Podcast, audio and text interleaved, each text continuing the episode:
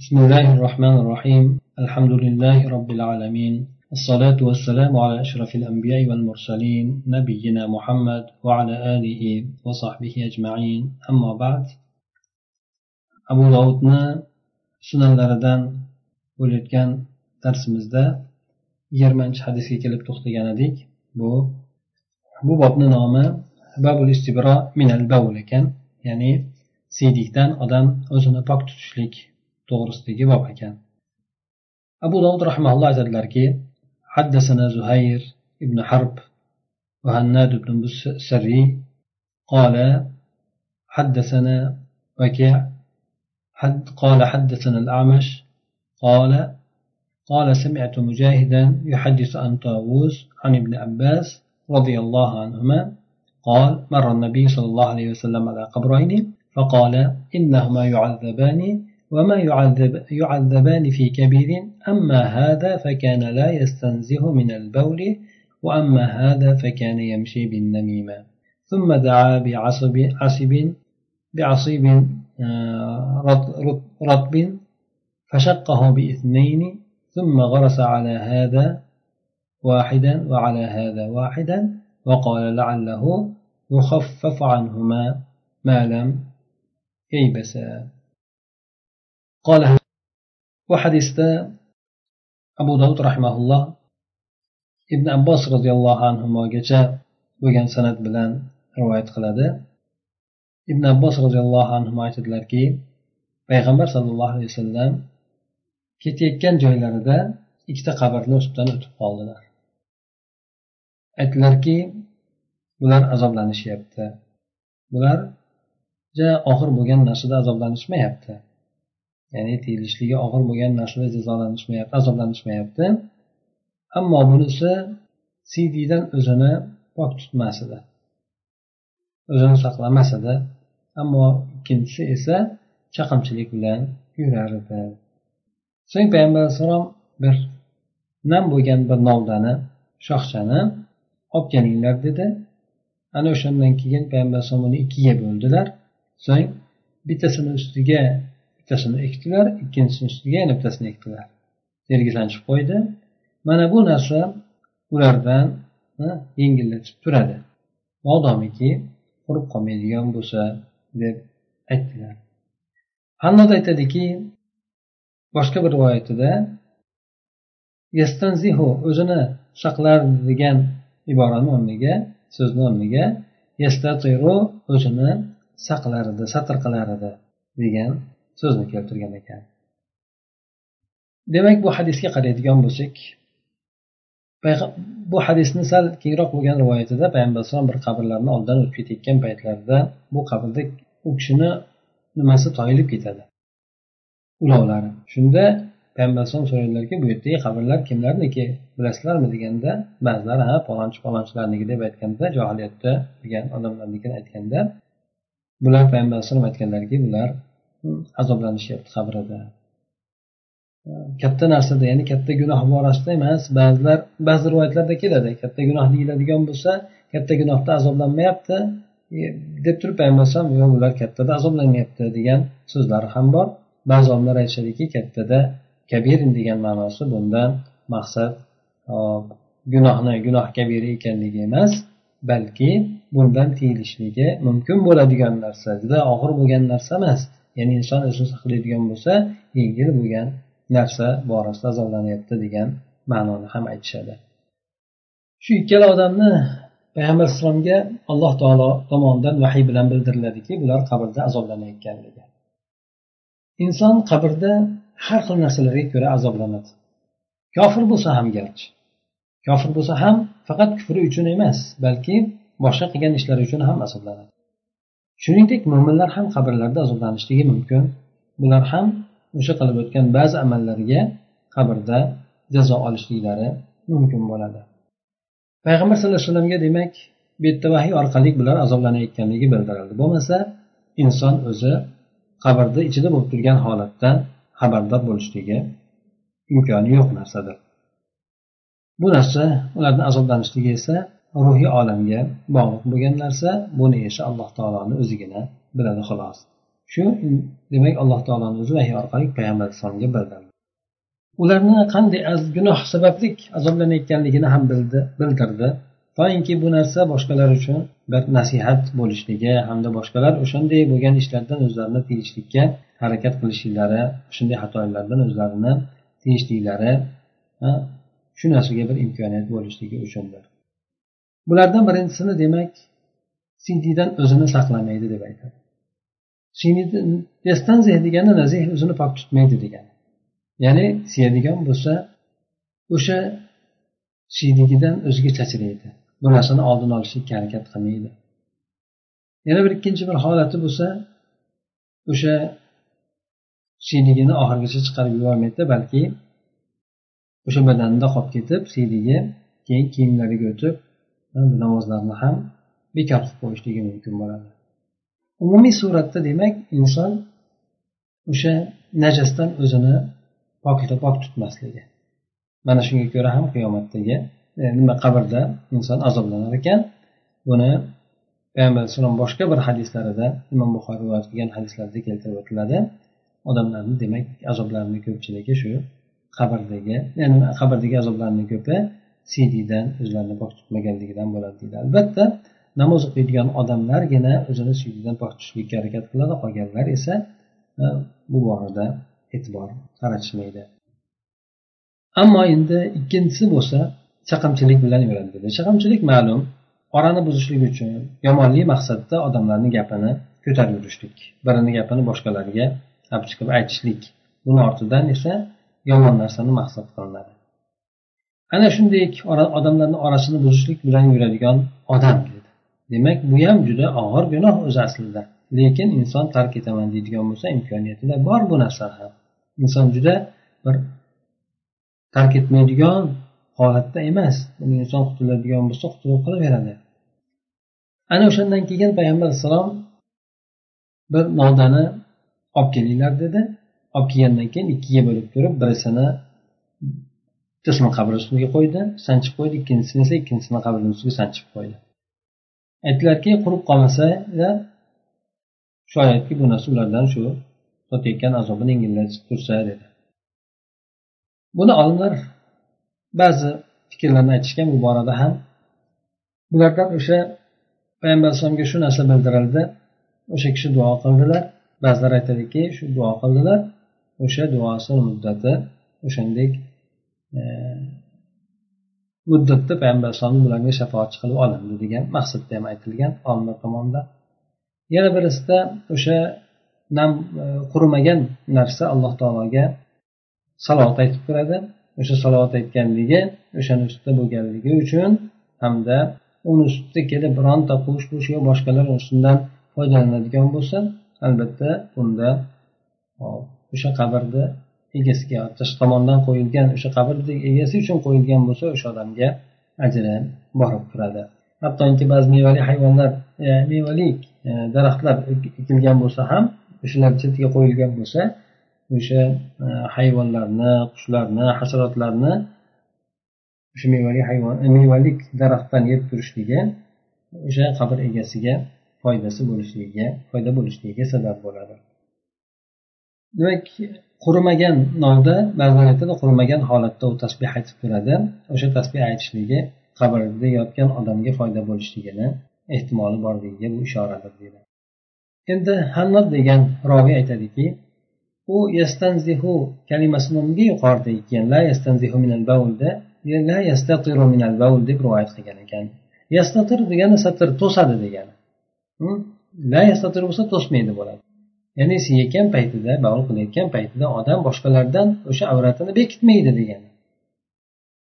Yoki bo'lmasa yana bir boshqa bir ikkinchi ma'nosini aytadigan bo'lsak o'sha jasadini kiyimlarini satr qilmaydi. O'sha joydan chachrayotgan chachrashligiga e'tibor qilmaydi. Ya'ni o'sha biron narsa bilan yoki yumshoq joyni tanlashlik bilan satr qilmaydi. O'sha jasadga yoki kiyimiga tegib qolishligidan degan ma'no ham bundan kelib chiqadi shunday bo'ladigan bo'lsa demak ikkalasi bir biriga yaqin ma'noda bo'ladi bu hadisni alloh rahmaulloh sahiy deb aytgan ekanlar undan keyingi hadisda قال أبو داود رحمه الله حدثنا عثمان بن أبي شيبة قال حدثنا جرير عن منصور عن مجاهد عن ابن عباس رضي الله عنهما النبي صلى الله عليه وسلم بمعناه قال كان لا يستر من بوله قال أبو معاوية يستنزه yuqoridagi aytib o'tgan hadisimizni boshqa rivoyati bu yerda ibn abbosdan yana boshqa roviy orqali bu yerda abu dovud usmon ibn abi shaybadan rivoyat qilgan ekan. Ma'nosi bilan demak o'shanga yaqin bo'lgan ma'nosi bilan rivoyat qilganda bunda o'sha degan rivoyat ham kelgan ekan. Hop abu muaviya aytgan ekan yastanzihuda ham kelgan deb aytgan ekan bu rivoyatda demak ikkalasi bir biriga yaqin bo'lgan rivoyatlar ekan yigirma ikkinchi hadisda abu davud rahmanalloh aytadilarki قال حدثنا مسدد قال حدثنا عبد الواحد بن زياد قال حدثنا الأعمش عن زيد بن وهب عن عبد الرحمن بن حسنة قال انطلقت أنا وعمر بن العاص إلى النبي صلى الله عليه وسلم فخرج ومعه درقة ثم استتر به ثم بال فقلنا انظروا إليه يبول كما تبول المرأة فسمع ذلك فقال ألم تعلموا ما لقي صاحب بني إسرائيل؟ كانوا إذا أصابهم البول فقطعوا قطعوا ما أصابه البول منهم فنهاهم فعذب في قبره. bu hadisni abu dovud rahmaulloh abdurahmon abdurahmon ibn hasanadan rivoyat qilgan ekan u kishi aytadilarki men hamda amr os ikkalamiz payg'ambar sallallohu alayhi vasallamni oldiga borgan edik payg'ambar alayhissalom chiqdilarda o'zi bilan birgalikda daraqa bor edi. Daraqa degani teridan bo'lgan qalqon ekan endi. Hm? Teridan qilingan qalqon ekan. O'q boshqa narsa teshib o'tmasligi uchun. O'sha bilan payg'ambar alayhissalom o'zini satr qildilar. To'sdilarda bog'liq qildilar deydi. Ya'ni hojat o'tashlik uchun chiqqan ekan payg'ambar alayhisalom qo'lda o'sha to'sadigan bir narsani olgan ekan o'sha narsani to'sishlik orqali payg'ambar alayhisalom bavul qildilar shunda biz aytdik qaranglar bu odamga xuddi ayol kishi bavul qilayotgandek qiladi" qiladiya dedik hm? ya'ni e, bular o'sha johiliyatda yangi kelgan paytlari bo'lsa kerak allohu alam yoki shunday turgan paytlari. Bundan taajjublanishdi. Demak bularni odati bundan boshqa bo'lgan ekan chunki ular johiliyat paytida kiyimni poklashlikka e'tibor bo'lmaganligi uchun tik turibmi boshqasini farqi yo'q edi ekan bularda ana o'shandan bular taajjubga tushdi shunda o'shani payg'ambar alayhisalom eshitdilarda aytdilarki bilmaysizlarmi bani isroilni sohibi nimaga yo'liqqanligini bilmaysizlarmi? Demak bu qissa mashhur bo'lgan ularda. Nima bo'lgan edi? Bular o'sha bani isroilga siydik tegib qoladigan bo'lsa kiyimlariga ular o'sha kiyim tekkan joyini uzib tashlashardi yirtib tashlashardi keyin haligi odam bularni unday qilishidan qaytardi. Kiyimlariga najosat tegib qolaverdi shundan bu odam qabrida o'shanday qilganligi uchun azoblandi. Demak bu hadisda avvalgi bo'lgan ummatga ya'ni bani isroilga sal hukmlar qattiqroq kelgan ekan. Ularga ham ta'kidlangan ekan o'sha siylikdan qattiq o'zini hazar qilishlik ehtiyot qilishlik ana o'sha narsa bee'tibor bo'lishligi ularga qattiqroq bo'lgan jazoni tushishligiga sabab bo'lgan ekan. Bu o'sha kiyimga tegadigan bo'lsa yuvishlik emas balki o'shani qirqib tashlashlik. O'shanga qattiq e'tibor berishlik uchun albatta alloh taolo ularga qattiqroq bo'lgan hukmlarni bergan. Deb aytiladi. Ya'ni bular haddan oshib osiylik qilib yurganligi uchun payg'ambarlarga teskari ishlar qilib yurganligi uchun itoatsizlik qilayotganligi uchun bularga boshqacharoq bir qattiqroq bo'lgan jazolarni e, qo'llanganlar alloh tomonidan nozil qilingan ana o'shalarni jumlasidan bu ham bo'lsa kerak allohu alam. Ana bularda o'sha siydik degan tegadigan bo'lsa uni kesib olib tashlanishligi bularni o'shanday holatga tushmasligi uchun qattiq ahamiyat berishligiga sabab bo'lgan amallardan birisi bo'ladi. Tik turib suyishlik borasida bal qilishlik borasida hali quyida keladi inshaalloh. Bu hadisni abu davud e, alboniy rahmaulloh mavqufligini sahiy degan ekan. Bu abu dovud rivoyatidan lekin buni imom muslimdan buxoriy boshqa yo'ldan vasl qilgan ekan. Vasalahu degani vasl qilgan demak o'sha o'rtada uzilishsiz to'liq suratda rovidlarni keltirib rivoyat qilishgan lekin bularni o'sha e, deganda bular qo'shib qo'yishgan ekanki savba ahadihim ya'ni birontasini kiyimiga tegib qoladigan bo'lsa ya'ni o'sha kiyimini qirqib tashlardi o'sha tekkan joyini degan lafzni keltirishgan ekan abu dovud yana aytadiki قال منصور عن ابي وائل عن ابي موسى في هذا المعنى shu hadisda aytgan ekanki hop o'sha savba ahadihimda unga jilda ahadihim ya'ni hop ularni birontasini shu jildi ya'ni jildi degani ular teridan kiyimlar kiyishgan o'sha nasli bo'ladimi yoki bo'lmasa tepa kiyimlari bo'ladimi teridan bo'lgan ana o'sha terisidan sidik tekkan joylarini qirqib olib tashlashardi degan mazmunda aytilgan. Undan keyingi hadis esa o'sha hadisda rivoyat boshqa rivoyatda bu munkar deb albani rahmaulloh keltirgan ekan. Sababi bunda ham o'sha osim abu voildan abu musodan rivoyat qilingan hadisda jilda ahadihim emas balki jasada ahadihim degan keltirilgan ekan. O'sha jasadini tekkan ulardan tekkan joyini qirqib olardi degan bu esa munkar hadis tepadagi mana ularda tepadagi rivoyatlarda kiyimi iroda qilindi teridan bo'lsin boshqasidan bo'lsin lekin ularni jasadlari iroda qilingani yo'q. Shuning uchun bu rivoyatda yuqoridagilarga nisbatan xilof suratda qilinganligi uchun bu munkar hadis deb aytildi. O'n ikkinchi hadisda babu qoiman tik turib bavul qilishlik to'g'risidagi bo'lgan bob. Buni hadisida abu dovud rahmaulloh aytadilarki qola haddasana umar va muslim ibn ibrohim ikkalalari rivoyat qilgan ikkalasidan rivoyat qilgan ekan abu dovud ikkalalari aytgan ekanki qola haddasana shuba ha ha degani bu mustalah rivoyat borasida tahvil deyiladi ya'ni tahvil degani rivoyatchilarni bir joyga olib kelib to'xtab turib yana o'sha joygacha bo'lgan boshqa rivoyat yo'lini aytadida keyin lekin ikkalasini undan keyingi ustozida jamlab turib ketadi mana bu yerda qaraydigan bo'lsak mana yana abu dovud boshqa yo'ldan ham rivoyat qilyapti وحدثنا مسدد قال حدثنا أبو أبو عوانة وهذا لفظ حفص an sulayman an abi voil an huzayfa. Demak o'sha yerda hop shobadan ham rivoyat qilganligi abu musaddad yana boshqa yo'ldan rivoyat qilganligi bor ekan. Bu yerda hop bunday hadisda keltirib o'tadiki payg'ambar sallallohu alayhi vasallam bir qavmni chiqindi tashlaydigan joyiga kelgan ekan. Axlat yoki chiqindi tashlaydigan joyiga kelgan ekanda tik turgan holatda bavl qilgan ekanlar. So'ng suv olib kelinglar degan ekan. Ya'ni tahoratiga suv olib kelgan payg'ambar alayhisalom tahorat turib masjidlariga keyin masjid topgan ekan tahorat qilib oxirida oyog'ini yuvib emas balki masjidlariga masjid topgan ekan. Hop bu hadisda payg'ambar sallallohu alayhi vasallam sahih rivoyat bilan kelyapti. Hop tik turgan holatda bavul qilganligi aytilyapti. Buni sababini olimlar aytishadiki ba'zilar joyni torligi bo'lganligi yoki o'tirishligini imkoni bo'lmaganligi yo ba'zilar aytadi payg'ambar alayhissalomni o'sha tizzasini orqa tomonida ichkari tomonida yarasi bo'lganligi boshqa boshqa narsalarni ham sabab qilib keltiriladi. Lekin umumiy suratda olinadigan bo'lsa bu ishni payg'ambar sallallohu alayhi vasallam joiz ekanligi uchun qilgan deb ko'pchilik olimlar aytadi. Aslida payg'ambar sallallohu alayhi vasallamni bu boradagi tutgan ishlari doimiy suratda o'tirgan holatda davo qilishliklari edi. Buni oysha onamizdan bo'lgan rivoyatda ham keladiki payg'ambar alayhissalom kim aytsaki payg'ambar tik turgan holatida davr qilgan desa uni tasdiqlamanglar. Payg'ambar doimiy suratda o'tirgan hollarda davr qiladilar degan rivoyatni keltiradi. Bu rivoyat ham sahih lekin olimlar aytishadiki bu oysha onamizni o'zlarini ilmi bo'lgan narsa haqidagi bergan ma'lumotlari. Ya'ni u kishi o'zi bilgan narsalarni aytgan bu hadis ham sahih keladi. Bu esa huzayfa roziyallohu anhudan rivoyat qilingan ekan. Bu kishi o'sha payg'ambar o'shanday holatda hop ko'rganligini bu kishi aytyapti.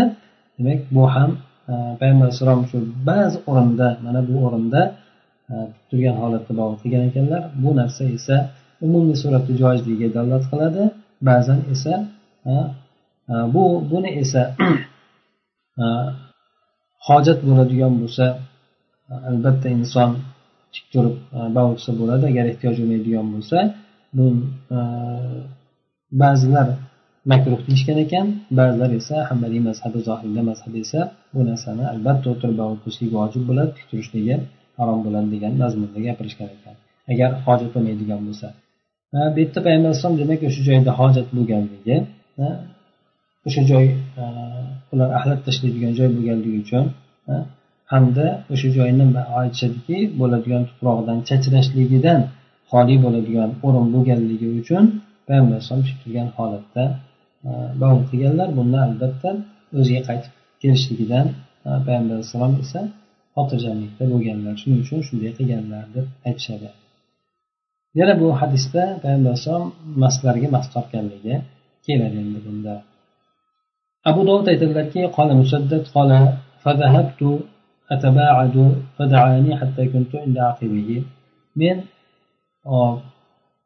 ancha uzoqlashib ketdim degan musaddadni rivoyatda keladi keyin meni chaqirdi hattoki u kishini orqasidan orqasidan orqasida bo'ldi ya'ni uzoqlashib ketgandim yaqinroqda degan suratda chaqirdilar keyin men yaqinlashdim hattoki u kishini orqasiga orqasida turdim deb aytadi undan keyingi bobda babun في الرجل يبول بالليل في الإناء ثم يضعه عنده ya'ni bir kishi kechasida bir idishga bavo qiladida keyin uni o'zini oldiga qo'yib qo'yadi ya'ni uni so'rish bo'lsa so'risini ostiga yoki bo'lmasa tashqariga chiqishlik imkoniyati qiyinroq bo'lib qolgan sovuq bo'lgan boshqa o'rinlarda demak o'shanday qilinganligini aytilyapti endi buni abu dovud rivoyat qiladiki bu hadisni قال حدثنا محمد بن عيسى قال حدثنا حجاج عن ابن جريج عن حكيمة بنت أميمة ابنة رقيقة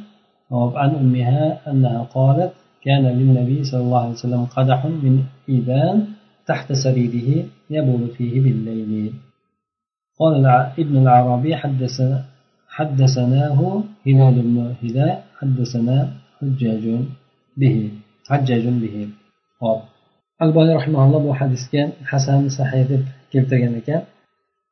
Umayma ibn turqiyadan rivoyat qilinadiki bu kishi aytadilar payg'ambar sallallohu alayhi vasallamni bir idishlari bo'lgan edi o'sha sopol shunga o'xshagan narsadan bir idishi bo'lgan edi.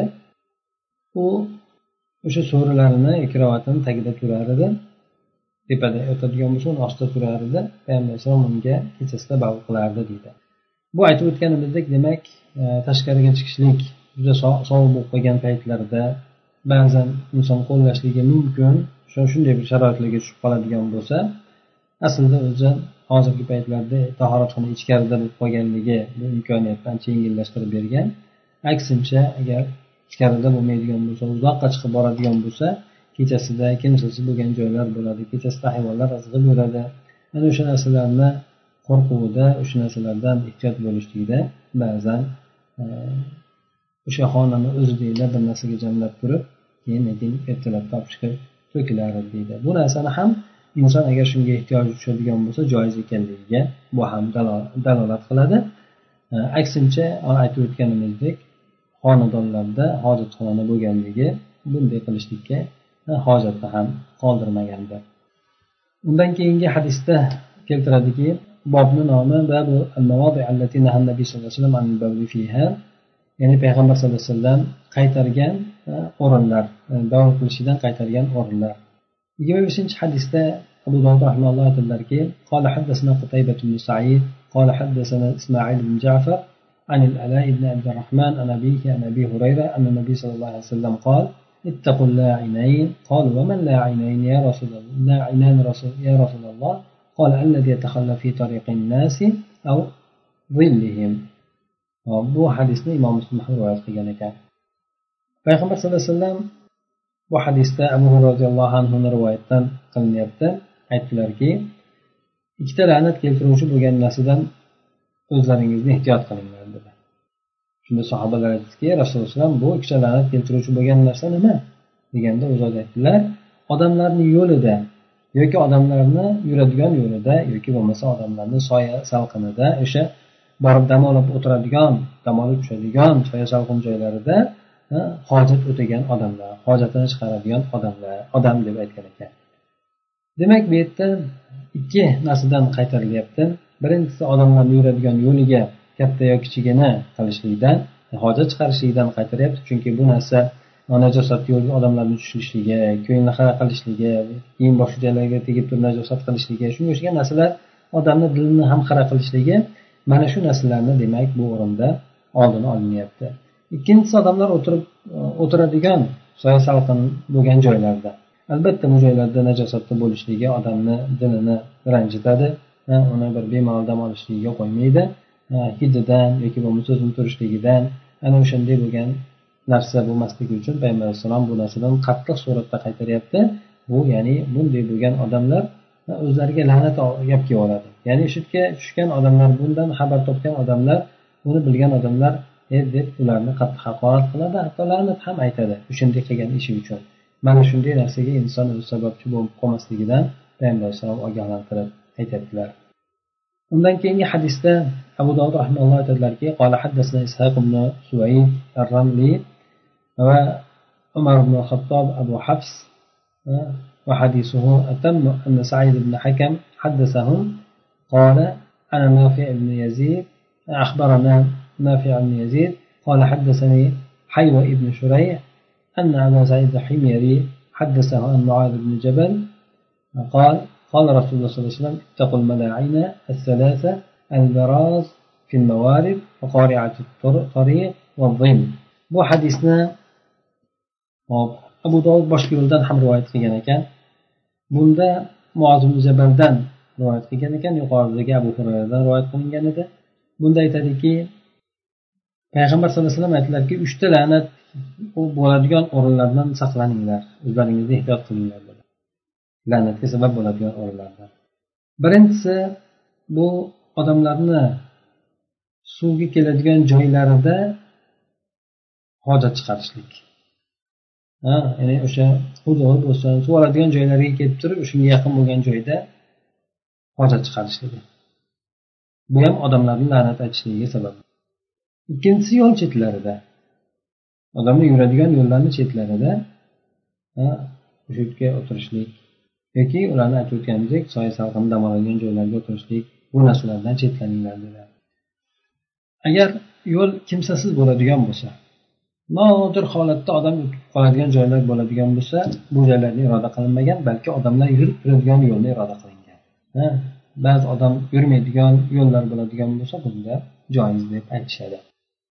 Hop shuningdek soyada ham hamma soyada emas balki odamlar o'sha dam olib o'tiradigan soyada. Bo'lmasa daraxt boshqa daraxtlarni narsalarni soyasida bog'lab ushatishlik bo'laveradi.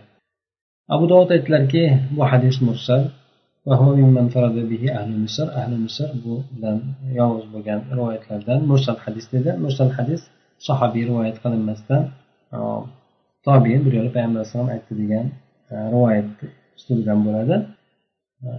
Lekin albani rahimaulloh buni hasan darajasidagi hadis degan ekan demak jabal roziyallohu anhuni haqiqatdan rivoyatini tasdiqlagan ekan albani rahimaulloh undan keyingi hadis babun fil bawli fil mustaham قال أبو داود رحمه الله حدثنا أحمد بن محمد بن حنبل والحسن بن علي قال حدثنا عبد الرزاق الصنعاني قال أحمد حدثنا معمر قال أخبرني أشعث وقال الحسن عن أشعث بن عبد الله عن الحسن عن عبد الله بن مغفل قال قال رسول الله صلى الله عليه وسلم لا يبولن أحدكم في مستحمه ثم يغتسل فيه.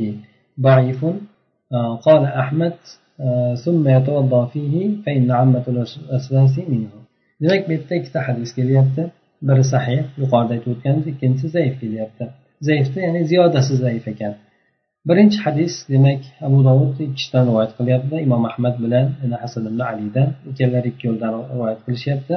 Borib esa abdulloh ibn g'affar roziyallohu anhuga borib taqalyapti bunda aytadiki bu kishi payg'ambar sallallohu alayhi vasallam aytdilarki birontanglar o'zini e, yuvinadigan joyiga siyib keyin o'sha joyda yuvinmasin.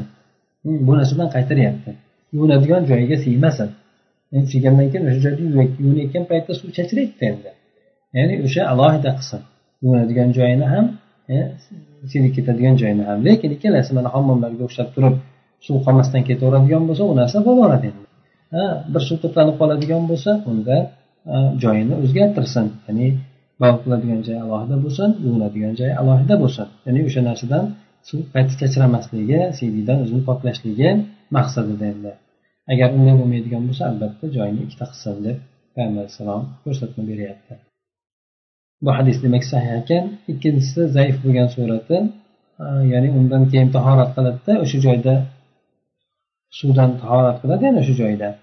Keyin hamma vasvasa o'shandan bo'ladi keyin. Ya'ni sesrab qoldimikan siydigan tekkan bo'lsa mana qilib qoldimikan buni qilib qoldimikan deb bari vasvasa shundan keladi. Ya'ni o'sha nopok bo'lgan shubha qilgan joyga borib turib tahorat oladida ana undan keyin sachragan suvlardan inson vasvasa bo'lib yotadi. Boshqa bir rivoyatda yana undan keyingisida boshqa bir rivoyatni ham keltiryapti.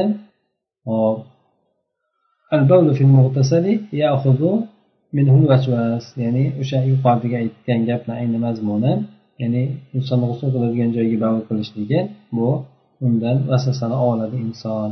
O'ziga vasvasani ko'paytirib oladi degan mazmunni aytiladi.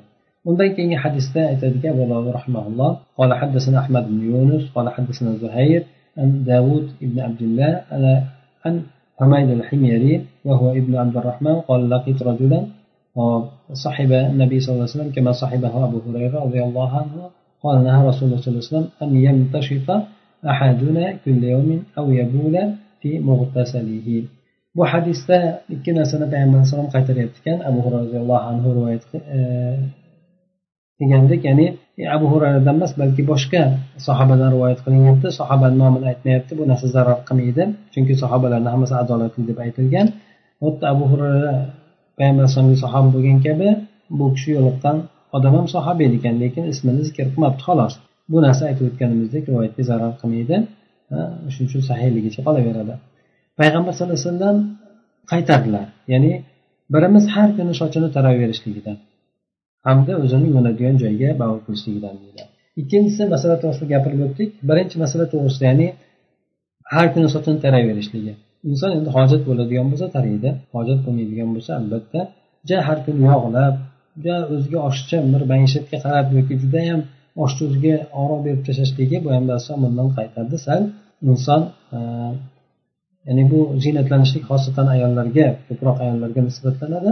Erkaklar ham o'ziga yarasha qiladi lekin juda oshiq darajada qilib yuborishligi bu narsa insonni erkakligini ham ketkazib qo'yishligi mumkin. Erkaklar biroz ayollardan farq qiladi. Shuning uchun ha deb inson o'ziga juda qattiq oro berishligi payg'ambar bu narsadan qaytardi. Sababi inson mana aytaylik e, jihod bo'lsin yoki boshqa bo'lsin inson nima holatlarga kiradi endi? Chang to'zon boshqa bo'lgan holatlarga kiradi. Bunday bo'ladigan odam bu narsalardan o'zini olib qochib yuradi. O'sha chang tegmasin boshqa qilmasin degan mazmunda mana shu narsalarga sabab bo'lmasligi uchun ham allohu alam bu narsalar aytarilyapti aksincha inson agar hojati bo'ladigan bo'lsa tarashligini zarari bo'lmaydi lekin hojatsiz suratda inson doim sochini tarayverishligi yog'layverishligi o'ziga juda ortiq darajada oro beraverishligi bu narsadan payg'ambar alayhissalom qaytardilar bunday holatda bo'lishlikdan ya'ni bu narsa ko'proq o'sha maishatxo'rlik shu narsani alomatidan deb aytishadi hop yana bir hadisimiz qolibdi uni ham aytib qo'yaylik bunisi o'nta hadis bo'ladi hop bunda bob annahi anil bavli fi juhri ya'ni teshiklarga bavl qilishlikdan qaytarishlik bobi bu zaif hadis ekan قال أبو داود رحمه الله حدثنا عبيد الله بن عمر بن ميسرة قال حدثنا معاذ بن هشام قال حدثني أبي عن قتادة عن عبد الله بن سرجس أن النبي صلى الله عليه وسلم نهى أن يبال في الجهر قال قالوا لقتادة ما يكره من البال في الجهر في الجهر قال كان يقال إنها مساكن الجن ya'ni bunda payg'ambar sallallohu alayhi vasallam teshiklarga bavul qilishlikdan qaytargan ekanlar bunda qatoda qatodaga aytishgan ekanki o'sha rivoyatchiga nimaga o'sha teshikdan bavul qilishlikdan nima narsasi yaxshi emas nima narsasi karih deb sanaladi bu narsani deganda u kishi aytgan ekanki buni jinlar yashaydigan joylar deb aytiladi degan gapni gapirgan ekan. Bu hadis demak o'zi zaif ekan lekin nima bo'lganda ham o'sha joylarga bavul qilishlikdan inson ehtiyot bo'lishi kerak chunki u narsa ko'proq hayvonlar yashaydigan joylar ham bo'ladi. Yo cho'malalar yashaydigan unday qilib bo'lmaydi yoki boshqa hayvonlar yashaydigan ularga ham o'sha narsani qilib bo'lmaydi. Shuning uchun inson o'zini yuqorida birinchi hadislarda keltirgandek o'zini bavo qiladigan joyini axtarishligi o'sha narsani tanlashligi inson kerak bo'ladi ya'ni o'sha avvalo bironta narsaga ozor bermaydigan ikkinchidan esa o'ziga o'sha bavul qilganda siydik qaytarmaydigan chachratmaydigan joylar bo'lishi kerak سبحانك اللهم وبحمدك نشهد أن لا إله إلا أنت نستغفرك ونتوب إليك اللهم انفعنا بما علمتنا وعلمنا ما ينفعنا وزدنا علما